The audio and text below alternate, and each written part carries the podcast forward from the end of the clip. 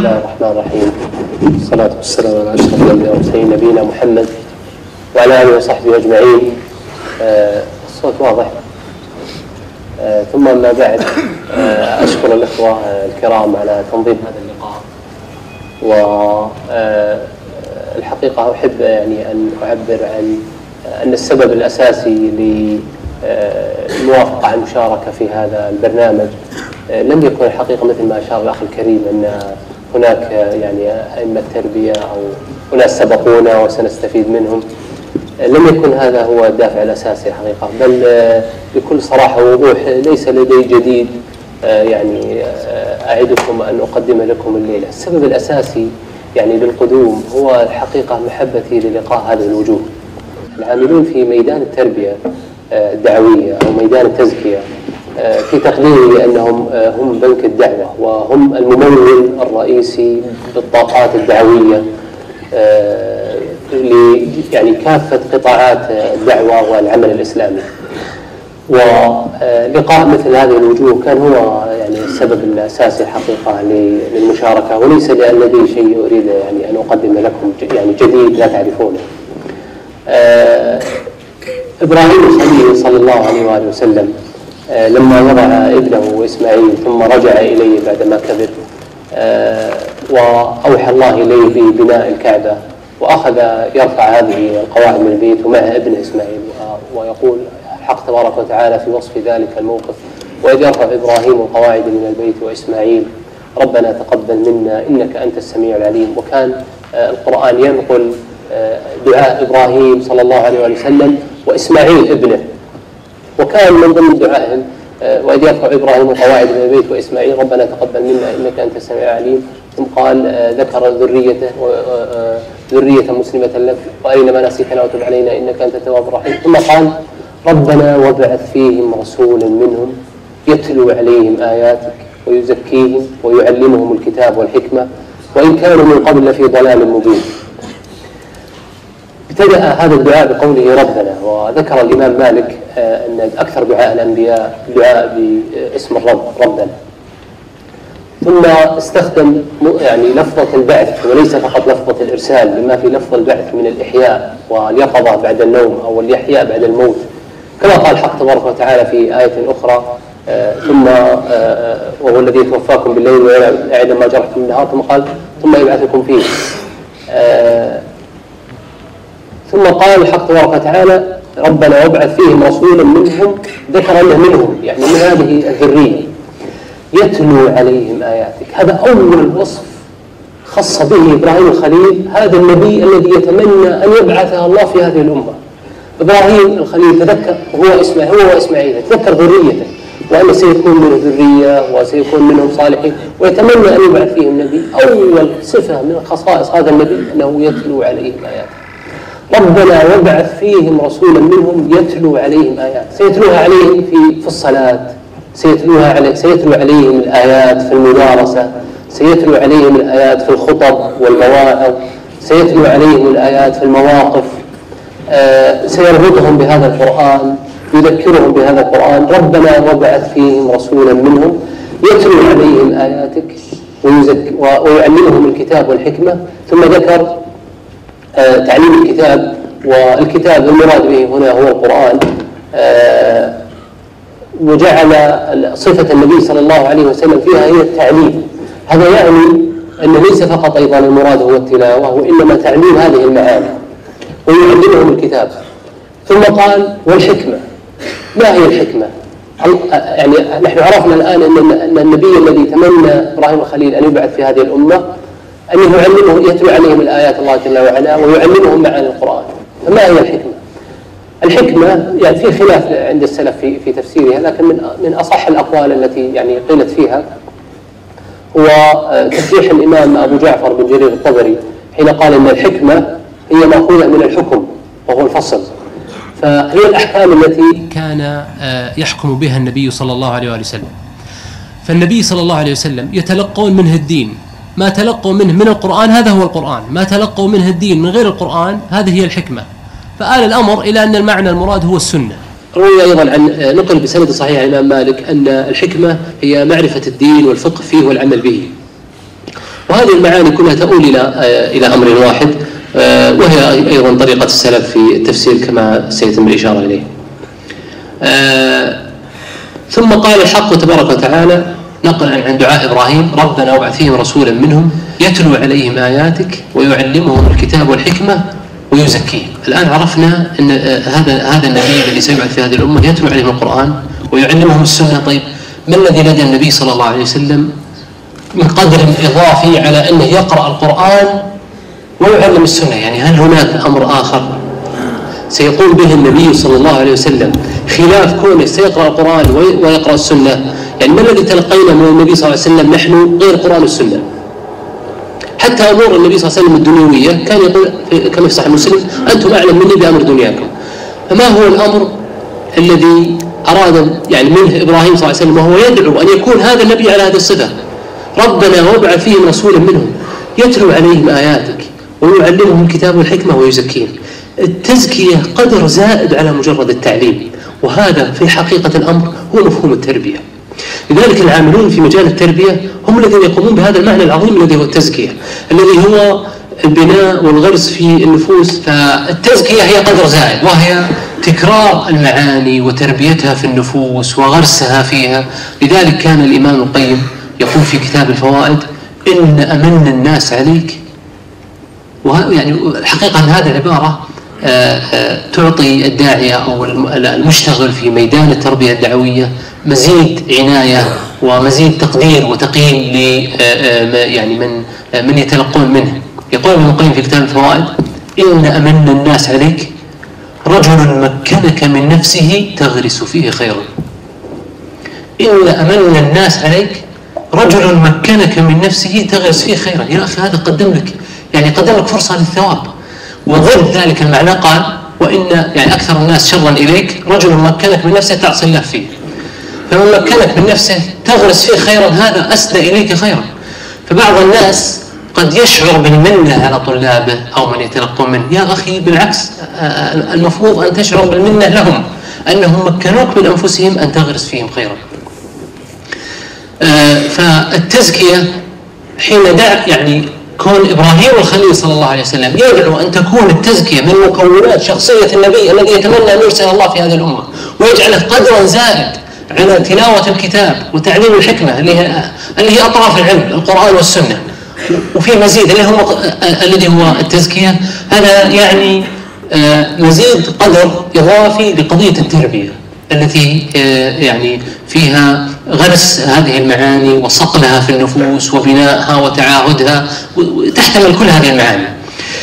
آه، وهل التربية أصلا هي لفظ أصيل ولا لفظ حادث؟ هذه من الإشكاليات التي وجدت أيضا في الساحة الفكرية. الحقيقة أنا وجدت يعني صحيح أنه ليس المصطلح رائج عند أئمة العلم المتقدمين لكنه موجود. يعني الإمام أبو جعفر جرير الطبري وهو إمام متقدم يعني هو توفي عام 310 310 يعني معناها أنه عاش حياته في 200 وكسر. يعني في القرن الثالث صحيح توفي في أول الرابع بس حياته كلها في القرن الثالث. الإمام أبو جعفر جرير الطبري لما أتى إلى قول الحق تبارك وتعالى ولكن كونوا ربانيين بما كنتم تعلمون الكتاب وبما كنتم تدرسون قال كانوا أهل تربية. هذا فمعناه أن المصطلح أصيل في التراث الإسلامي واستخدم بعض أئمة العلم المتقدمين. كان لدى بعض الناس تحسس. وإن كان المصطلح الأكثر يعني في آه، في في في النصوص الشرعية ليس هو يعني هو التربية وإنما هو مصطلح التزكية ومرادفاته. ثم قال إبراهيم إنك أنت العزيز الحكيم وصف الله بوصفه العزة والقدرة آه، فلا غالب له سبحانه وتعالى وهو الحكيم الذي يضع الأمور في محلها. ثم إن الله سبحانه وتعالى أخبرنا بأنه من علينا بتحقيق دعاء إبراهيم صلى الله عليه وسلم. فقال حق تبارك وتعالى لقد من الله على المؤمنين إذ بعث فيهم رسولا منهم يتلو عليهم آياته ويزكيهم ويعلمهم الكتاب والحكمة. قدم التزكية هنا وقدم تعليم الكتاب والحكمة في سورة البقرة. فهذا الوصف الذي وصف به رسول الله صلى الله عليه وسلم أنه يتلو الآيات وأنه يعلم الكتاب هذا يعني أن من تطرح نفسه إلى الاقتداء برسول الله صلى الله عليه وسلم وقد قال الحق تبارك وتعالى لقد كان لكم في رسول الله أسوة حسنة. كان صلى الله عليه وسلم يقول لبعض أصحابه أليس لك في أسوة؟ فمن كانت تطمح نفسه وتهفو إلى هذه المنازل العالية وأن يكون يتأسى برسول الله صلى الله عليه وسلم تأسى به في ذلك. فالنبي صلى الله عليه وسلم كان يتلو الآيات على الناس. ولذلك الحق تبارك وتعالى قال آه، لنساء النبي صلى الله عليه وسلم واذكرن ما يتلى في بيوتكن من آيات الله والحكمة فكانت تتلى يتلى القرآن وتتلى الحكمة في بيت رسول الله صلى الله عليه وسلم. وقال حق تبارك وتعالى أيضا عن النبي صلى الله عليه وسلم وأن أتلو القرآن فمن اهتدى فإنما يهتدي لنفسه. فهذه أيضا تبين أن وظيفة يعني من أهم وأسس وظائف الداعية هي تلاوة القرآن على الناس تلاوته بمعنى عام ليس تلاوته بالمعنى الخاص فقط تلاوته بمعنى تعليمه وبثه وتبليغه للناس وتحبيب الناس إليه. فهذا القرآن تلاوة القرآن تلاوة النبي صلى الله عليه وسلم للقرآن ليست شيئا عارضا هي أساس في مكونات الشخصية الرسالية وهي أساس في مكونات شخصية النبي صلى الله عليه وسلم. ومن أراد أن يتأسى برسول الله صلى الله عليه وسلم ويحمل رسالة دعوية في حياته فيجب أن تكون تلاوة القرآن وتلاوة آيات الله سبحانه وتعالى وتعليم الكتاب والحكمة والتزكية جزء أساسي من مهمته في هذه الحياة. إن العناية بالقرآن تنعكس على حياتنا فيها انعكاسات كثيرة. سنتناول فقط بعض منها بعض هذه الانعكاسات منها مثلا في مفهوم العلم نحن نسمع كثيرا آه، آه، آه، مثلا الحرص على طلب العلم وأهمية طلب العلم وأخلاق طالب العلم وحلية طالب العلم والمنهجية في طلب العلم وكلام كثير يعني يتكلم في هذا العلم عن أهمية طلب العلم لكن ما هو العلم؟ يعني يعني ما أكثر ما سمعنا الكلام عن أهمية طلب العلم لكن ما هو العلم؟ هذا القرآن هو يعني يقدم لك برد اليقين في مثل هذه الأسئلة المنهجية. ما هو العلم؟ يا أخي القرآن يدلك على ما هو العلم. هذه القضايا التي اعتنى بها القرآن هي أعظم العلم. والقضايا التي همشها القرآن هي تأخذ درجة يعني ثانوية في قيمة العلم. الله سبحانه وتعالى مثلا عظم من قيمة إفراد الله وإخلاص العبادة له والإخبات لذلك بعض معاني الإيمان كالإخبات والرجاء والتوكل والانقياد لله سبحانه وتعالى. وهو خلاصة الدين انقياد القلب لله سبحانه وتعالى. أو مثلا المعاني الدقيقة يعني مثلا نسمع مثلا الخشوع. يظن الناس يعني يظن يعني يتبادر أحيانا إلى الأذهان انه الخشوع مثلا والسكون الجوارح. وهو صحيح جزء من معنى يعني الخشوع. لكن في معنى أدق وهو إخبات وإطراق القلب لله سبحانه وتعالى. خشوع القلب لله. كما قال الحق تبارك وتعالى ألم يأني للذين آمنوا أن تخشع قلوبهم لذكر الله. خشوع القلب لله معنى أعظم من مجرد خشوع الجوارح وسكونها هذه المعاني التي أبدى القرآن فيها وأعاد. أو مثل قول الحق تبارك وتعالى ثم قست قلوبكم من بعد ذلك فهي كالحجارة أو أشد قسوة. والله يعني إن هذه الآية يا أخي تورث الإنسان شيء من الخجل. الله سبحانه وتعالى كما قال بعض التفسير أظن ابن عباس وأيضا ذكره ابن سعدي أن الله سبحانه وتعالى فضل الصخور على القلوب. قال ثم قست قلوبكم من بعد ذلك فهي كالحجارة أو أشد قسوة يعني من الحجارة. الحجارة ألين من ألين من بعض قلوب بني آدم ثم قست قلوبكم بعد ذلك فهي كالحجارة أو أشد قسوة وإن من الحجارة لما يتفجر منه الأنهار. هذه المعاني العظيمة للإيمان ومقامات الإيمان والتوكل والانقياد لله والافتقار إليه وتعلق القلب به. قد, قد كثير ممن يعني يعتني بالعلم يظن أن هذه الأمور ليست من العلم. هذه من الأخلاقيات. برغم أن القرآن اعتنى بها وتكلم عنها أو مثلا قصص القرآن. القرآن مليء بالقصص والأخبار عن الأمم السابقة وأيضا القصص عن الحياة القادمة المستقبلية. قد يتبادر إلى الأذهان هذا ليس من العلم. بل لو رأى شخص يعني معني مثلا بقصص القرآن يظن أنه يعني مثل القراءة مثلا في التاريخ أو الأدب أو يعني يعني نوع من العلم المخفف وفي نوع من الترفيه. فقضايا القرآن التي اعتنى بها بل الآيات الكونية التي تكلم الله سبحانه وتعالى عنها ودلالتها على الإيمان والتعلق بالله وتعظيمه هذه أيضا من أعظم العلم. فالمراد أن العلم ولذلك الفروع الفقهية في القرآن لها أهمية. لكنها ليست هي كل شيء. لذلك بعض الناس يعتني بالعلم ويظن أن العلم هي الفروع الفقهية هي المسائل. لكن قضايا الإيمان التوكل الانقياد الصدق الإخلاص المحبة قصص القرآن وأخباره أخبار الجنة أخبار النار هذه كلها من, من العلم. ولذلك أكثر الناس تعلقا بمعاني القرآن هم أكثر الناس وفاء بمعنى العلم. هذا أحد انعكاسات العناية بالقرآن ومركزة القرآن وجعل القرآن دليل وهادي ومرشد. ويضيء لك وينير لك الطريق في هذه الأسئلة والإشكاليات المنهجية. من انعكاسات القرآن أيضا انعكاساته على ميدان الدعوة والتربية. الداعية إلى الله في طريقه في تحديات تحديات آه، تحديات اجتماعية تحديات سياسية صعوبات شخصية مادية. مثل هذه التحديات حتى يستطيع الإنسان أن يستمر في هذا الطريق يحتاج إلى اليقين. لذلك آه، الله سبحانه وتعالى قال وجعلنا منهم أئمة يهدون بأمرنا لما صبروا وكانوا بآياتنا يوقنون. القلوب بحاجة إلى اليقين. الشكوك الارتيابات التردد الحيرة ما أكثر ما تورث الإنسان الانصراف عن الطريق. فالإنسان في طريق الدعوة بحاجة إلى اليقين. فإذا تمسك بكتاب من الكتب الفكرية مثلا يرسم له طريق الدعوة أو كتاب من كتب أدب الدعوة أو كتاب من حتى لو كتب من الكتب الفقهية. صحيح يعني فيها قد تكون فيها فوائد. لكن قارن هذا بمن يجعل الحاسم والفيصل في مساره الدعوي ومنهجه الدعوي هو القرآن. فكل ما أشكل على شيء رجع القرآن. أو تدارس مع إخوانه هذه الأسئلة في ظل القرآن. نحن في هذه المرحلة وفي هذه الحقبة يعني انفتح فيها المجتمع بعد ثورة نظم الاتصالات الحديثة ومجيء شبكات التواصل. أصبح التغيير في المجتمع لم يعد يقوده آه، آه، لا النخب الدينية ولا حتى النخب الفكرية التي يتصور آه، كانوا يتصورون أنهم هم الذين يعني يحركون المجتمع. اليوم اليوم في متغير جوهري كبير جدا في يعني في مجال الدعوة. هو أن المجتمع الآن صار تيار شعبي عارم يتواصل من خلال شبكات التواصل الاجتماعي بالثانية مع جميع الأفكار.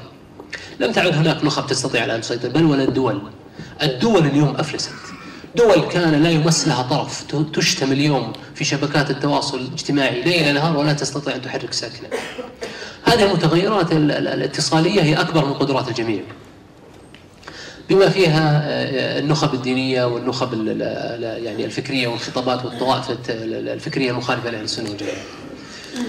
فالمراد أن في مثل هذه الظروف الثقافية سكب على المجتمع أسئلة فكرية ومنهجية كثيرة جدا. آه، الموقف من المخالف الموقف من المرأة موقف من الحضارة ومركزية الحضارة وموقعها في آه، خطابنا الديني وخطابنا الفكري وخطابنا الثقافي وأفضل وسيلة لحل هذه الإشكاليات بيقين والسير على هذا الطريق الدعوي بيقين أن يرجع الإنسان إلى القرآن. يا أخي هذا ليس كلام شخص وليس كلام مفكر ولا فقيه ولا مثقف هذا كلام الله جل وعلا. وكل حرف في هذا القرآن موضوع بعناية. فيما يدل فيما يندرج تحت مضامينه وفيما يخرج ويحترز من من ألفاظه واختير هذا اللفظ على غيره من الألفاظ. لا هذه ألفاظ وضعها رب العالمين جل وعلا. فكون الإنسان يرجع في مثل هذه الأسئلة إلى القرآن سيجد برد اليقين فعلا. وسيتجاوز إشكالية الحيرة التي عصفت بكثير من الشباب في طريق الدعوة. آه يعني هذه بعض يعني الانعكاسات آه، آه، للقرآن على حياتنا العلمية والدعوية والتربوية. ويمكن الحقيقة أنها آه، يتم تفعيل مثل هذه المفاهيم والتصورات من خلال الأنشطة. العلم والدعوة والأفكار وبناء المفاهيم والتصورات والتيارات لا يمكن أن ينشأ إلا من خلال الأنشطة. بصراحة يعني ليست القضية هي تلقي. شخص يسمع شخص يأتي ويسمع منك ويتلقى. لا يعي لا ينشأ العلم ولا يعيش هذه الحيوية إلا من خلال أنشطة. مؤتمرات ورش عمل مجلات أعمال علمية تعقيب ونقد على كتب تداول بحوث. فإذا أردت فعلا أن تصنع تيار اخلق أنشطة.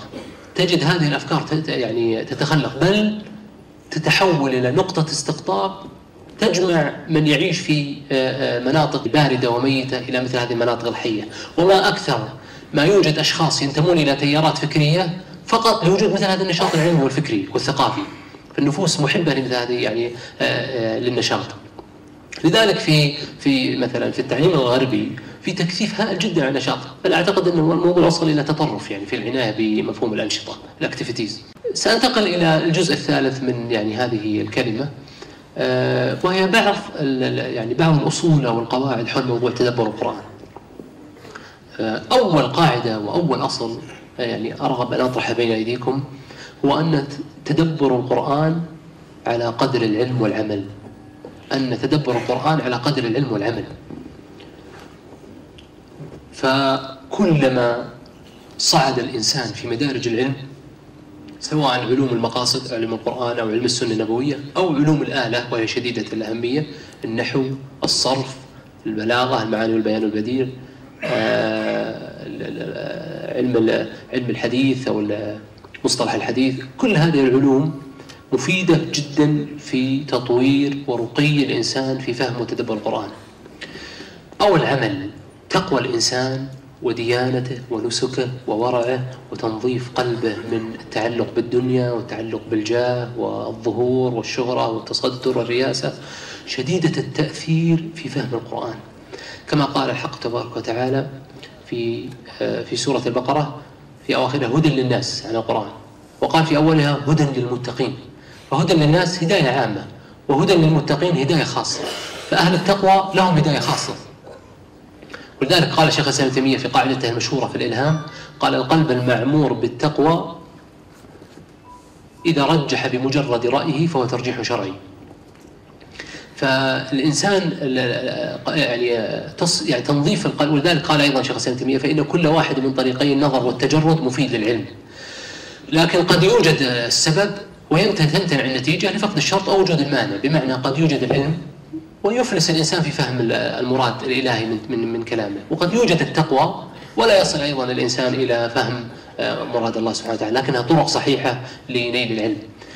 ومن هذه القاعدة أحب أن أطرح وجهة نظر وهي أن أعتقد أن الدعوة في المرحلة السابقة حققت مكتسب ممتاز وهي إشغال الناس بتدبر القرآن. والإقبال على تدبر القرآن. حتى أصبحت مفردة مألوفة تدبر القرآن برغم أنها لم تكن في المعجم الدعوي في فترة ماضية في فترة في مرحلة زمنية سابقة. أصبحت اليوم آه، يعني جزءا من اللغة الدعوية مصطلح تدبر القرآن. وأصبح كثير من الناس يسألونك أحيانا عن تدبر القرآن ويتكلمون عن تدبر القرآن. يعني كثير من غير المتخصصين من أحيانا يطلق عليهم عموم المجتمع صاروا يتدبروا القرآن. أعتقد أن الآن يجب أن ننتقل إلى مرحلة أخرى. ليست هي إشاعة موضوع تدبر القرآن. تدبر يعني أصل فكرة تدبر القرآن أعتقد أن يعني الدعوة قدمت فيها مكتسب جيد في الفترة السابقة. نحن اليوم بحاجة إلى مرحلة أخرى وهي الترشيد العلمي لتدبر القرآن. يعني يجب أن لا يكون تدبر القرآن أيضا أحيانا فقط يعني آه، يعني بالنظر الصرف بالرأي الصرف.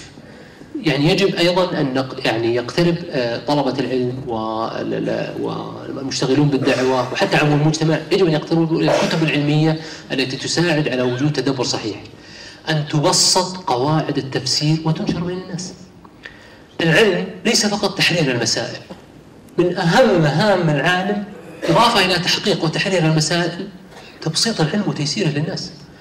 لذلك كثير من الأمم المتفوقة اليوم لم تتفوق فقط في إيجاد معامل ومثلا مختبرات وتمويل هائل جدا للبحث العلمي. لا في نشاط موازي وهو تيسير العلم وتبسيطه وتقريبا للناس. تجد آه، وأيضا الدعوة يعني قامت بشيء من ذلك. يعني مثلا أعتقد أن فكره المطويه الصحوية إن صح التعبير يعني كانت عبقرية في يعني تقريبا يعني إيش تقول للناس مثلا؟ ارجعوا مثلا للروض المربع ولا للمغني؟ يعني إذا جاء مثلا رمضان ان في مطوية موجود فيها جميع أحكام رمضان في خمس دقائق يقراها الشخص ويتلقى كل الأحكام. وهذا مجرد إذا جت عشر ذي الحجة وهذا مجرد جاء الحج. بل جاء طلعوا دار القاسم صفحة واحدة فيها كل أحكام المناسك. فتبسيط العلم وتيسيره للناس عبقرية. فالامم المتقدمة تقدمت بمثل ذلك. ليس فقط تحرير العلم وتيسيره بل أيضا تبسيط العلم وتقريبه للناس وتيسيره. كلاهما مهم يعني مهمتان يعني في غاية المركزية والتأثير. في من مهام العالم. فنعم آه، أعتقد أن يجب أن نهتم بهذه المسألة وهي الترشيد العلمي لتدبر القرآن وأن تبسط قواعد التفسير وتبث بين الناس وأن تصحح كثير من الاستنباطات التي راجت ويتغاضى أحيانا الداعية أو طالب العلم عنها لكي يشجع التدبر لكنها تدبر يعني استنباطات خاطئة. فيجب يعني مراجعة مثل آه، يعني هذه المسألة. آه، استمرار تقاليد التأليف في التفسير ومراعاة احتياجات الناس آه، المعاصرة. فالترشيد العلمي يعني للقرآن الحقيقة أن في آه، في تقديري أنه في غاية الأهمية وهو الخطوة المطلوبة اليوم. وأعتقد أن المتخصصين في علوم القرآن عليهم يعني مسؤولية أكبر في يعني مثل هذه الخطوة. فالتدبر على قدر العلم والعمل. والنفس التواقة إلى المعاني لا يمكن أن ترضى أنها تفهم من القرآن مثل ما يفهم عامته ولذلك في كلمة لابن عباس والله يعني أنها تصح تسمى نظرية. نظرية كاملة. قال فيها القرآن على أربعة أنحاء أو أوجه. منه ما يعرفه كل أحد. ومنه ما يعرفه أهل العربية من لغتهم. ومنه ما يعرفه أهل العلم. ومنه ما اختص الله بعلمه. بالله عليك ألا تجد أجمل من هذا التقسيم؟ قال منه ما يعرفه كل أحد. كل شخص إذا قرأ القرآن يستطيع أن يعرفه باللغة المألوفة. ومنه ما يعرفه أهل العرب من لغتهم لذلك أهل اللغة مثل مثلا فر في معاني القرآن أو حتى الطبري هو من أئمة اللغة أصلا. يعني تجد تجد لهم استنباطات في اللغة في القرآن بمقتضى اللغة. معرفتهم في الجذور والاشتقاقات آه، للمفردات والعرف اللغوي الذي نقل الاستعمال من أصل الوضع اللغوي إلى عرف لغوي آخر مقيد ثم من زاد يزيد عليهم أهل العلم بمعرفة قدر آخر وهو معرفة اللفظة القرآنية بما أضيف إليها من القيود الشرعية الأخرى. فلفظ النسك مثلا في الأصل في اللغة هو معنى العبادة ثم انتقل إلى معنى الذبائح آه، أو مناسك الحج وله معنى خاص بمعنى الذبائح وله معاني خاصة بشروط وقيود قيدتها الشريعة. خرج بها عن معنى مثلا النسك العام وكذلك لفظ الحج أو الصيام اللي هو الإمساك لكن في الشرع إمساك مخصوص. وهذا مجرد. فأهل أهل العلم يدركون من معاني القرآن ما لا يدركه ما لا يدركه أهل عفوا أهل اللغة يدركون من معاني القرآن ما لا يدركه القارئ البسيط الذي يستخدم اللغة العربية المألوفة. وأهل العلم يدركون من معاني القرآن بضم بعضها إلى بعض وبضم النصوص إلى بعض و آه، باستعمال قواعد قواعد أصول الفقه وقواعد الدلالة ما لا يدركه أيضا آه، من فقط استخدم اللغة المألوفة أو استخدم لغة العرب، ثم هناك ما استأثر الله سبحانه وتعالى بعلمه كما قال حق تبارك وتعالى هو الذي أنزل عليك الكتاب منه آيات محكمات هن أم الكتاب وأخر متشابهات. فاما الذين في قلوبهم زيغ فيتبعون ما تشابه منه ابتغاء الفتنة وابتغاء تأويله وما يعلم تأويله إلا الله. ويعني آه، الأكثر على أن الوقف على إلا الله. ثم قال والراسخون في العلم يقولون آمنا به. تأويل هنا تأويل بمعنى حقائق التي تقع التي لم تقع بعد أن التأويل على ثلاثة معاني كما هو معروف. آه، فالتدبر على قدر العلم والعمل خصوصا إذا استحضر الإنسان عبارة ابن عباس هذا. وفي وفي علوم الإسلام خصوصا علوم الآلة فيها أدوات في فهم التفسير آه، وفي فهم المعاني. يعني مثلا خلينا نضرب مثلا أمثلة. مثلا الشخص اللي مشتغل بالسنة النبوية. قد تمر عليك آه، قول الحق تبارك وتعالى ولقد آتيناك سبعا من المثاني. وش سبع المثاني؟ تبادر إلى وهل بعض أئمة التفسير الكبار أن سبع المثاني هي السبع الطوال يعني لتقارب اللفظين أو العبارتين. لكن الذي درس سنة النبي صلى الله عليه وسلم النبي صلى الله عليه وسلم فسر ذلك. فقال عن الفاتحة هي السبع المثاني والقرآن العظيم الذي أوتيته. فمن درس سنة النبي صلى الله عليه وسلم توصل إلى كثير من معاني القرآن التي لا يتوصل إليها من لم يعرف السنة النبوية. مثال آخر. الله سبحانه وتعالى قال آه، آمنوا ما ولا قال ولا تكونوا أول كافر به ولا تشتروا بآياتي ثمنا قليلا. لا تشتروا بآياتي ثمنا قليلا طيب لو واحد ما شرى ثمن قليل شرى ثمن كبير. يجوز. الله قال ولا تشتروا بآياتي ثمنا قليلا. هل هذا يخرج الثمن الكبير؟ وأن من من كان معه ثمن كبير يعني من من عرض عليه رشوة كبيرة يجوز أنه يبيع يبيع القضية ويبيع القرآن. هل هذا هو المعنى؟ لا. في البلاغة تقسم الصفة مع أغراض الصفة إلى من أنواعها. الفرق بين الصفة الكاشفة والصفة المميزة وبعضهم يسميها الصفة المقيدة. يعني مثلا لما أقول الصحابة المهاجرون المهاجرون قيدت الآن إيش؟ الصحابة. فأخرجت مين الأنصار. لكن لما أقول الصحابة الكرام الكرام صفة كاشفة للصحابة. أنا ما أخرجت أحد أقصد كل الصحابة. وهذا مجرى في الآية هذه قال حق تبارك وتعالى ولا تشتروا بآياتي ثمنا قليلا. قليلا هي صفة للثمن. يعني إن أي ثمن تشتري به القرآن هو أصلا إيش؟ هو قليل فالصفة هذه ليست صفة مميزة وإنما هي صفة كاشفة. ومثل قول الحق تبارك وتعالى ومن يدعو مع الله إلها آخر لا برهان له به فإنما حسابه عند ربه. طيب لو كان له برهان؟ هذه صفة كاشفة أصلا. إن أي إله تدعو مع الله لا برهان لك به. مو معناها أنك إذا دعيت إله آخر بس عندك يعني حجة ترى هذا يجوز. ليس هذا هو المعنى. وهذا ما تجد آه، في أيضا في قواعد أصول الفقه وفي قواعد النحو وفي قواعد الصرف. ما يدلك على آه، آه، المعنى ويطور فهمك واستنباطك هل هذا مقصور فقط على العلوم الشرعية؟ طيب هل الثقافة المعاصرة تزيد قدرة الإنسان على الاستنباط من القرآن؟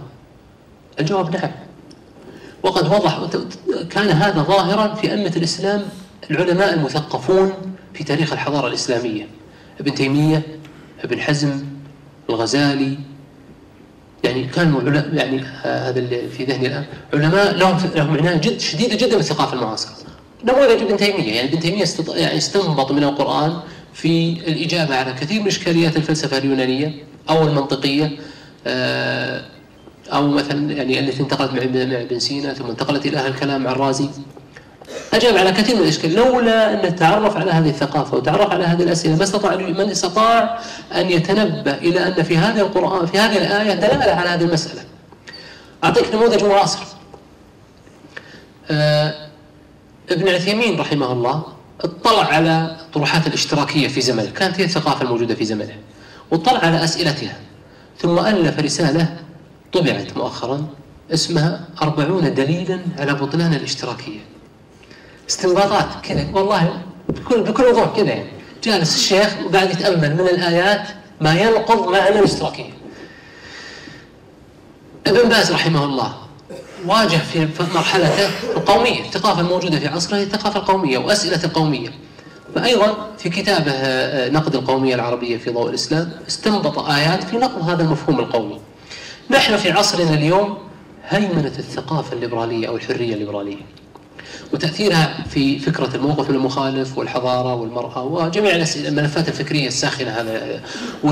والحقيقة أن التفكير شديد الرضوخ والإذعان للثقافات الغالبة بشيء والله يعني شيء أحيانا يثير الاستغراب. كيف الإنسان تجد الشخص أحيانا والله أنك تقدره يعني قدرات فكرية واطلاع ثم سبحان الله تستطيع هذه الثقافة الغربية الغالبة أنها تقوده للتفكير بطريقة بطريقة كنترولية موجهة غير يعني منفجة مثلا تجده يستشكل التعدد ولا يستشكل في الحياة الغربية العشيقة مثلا.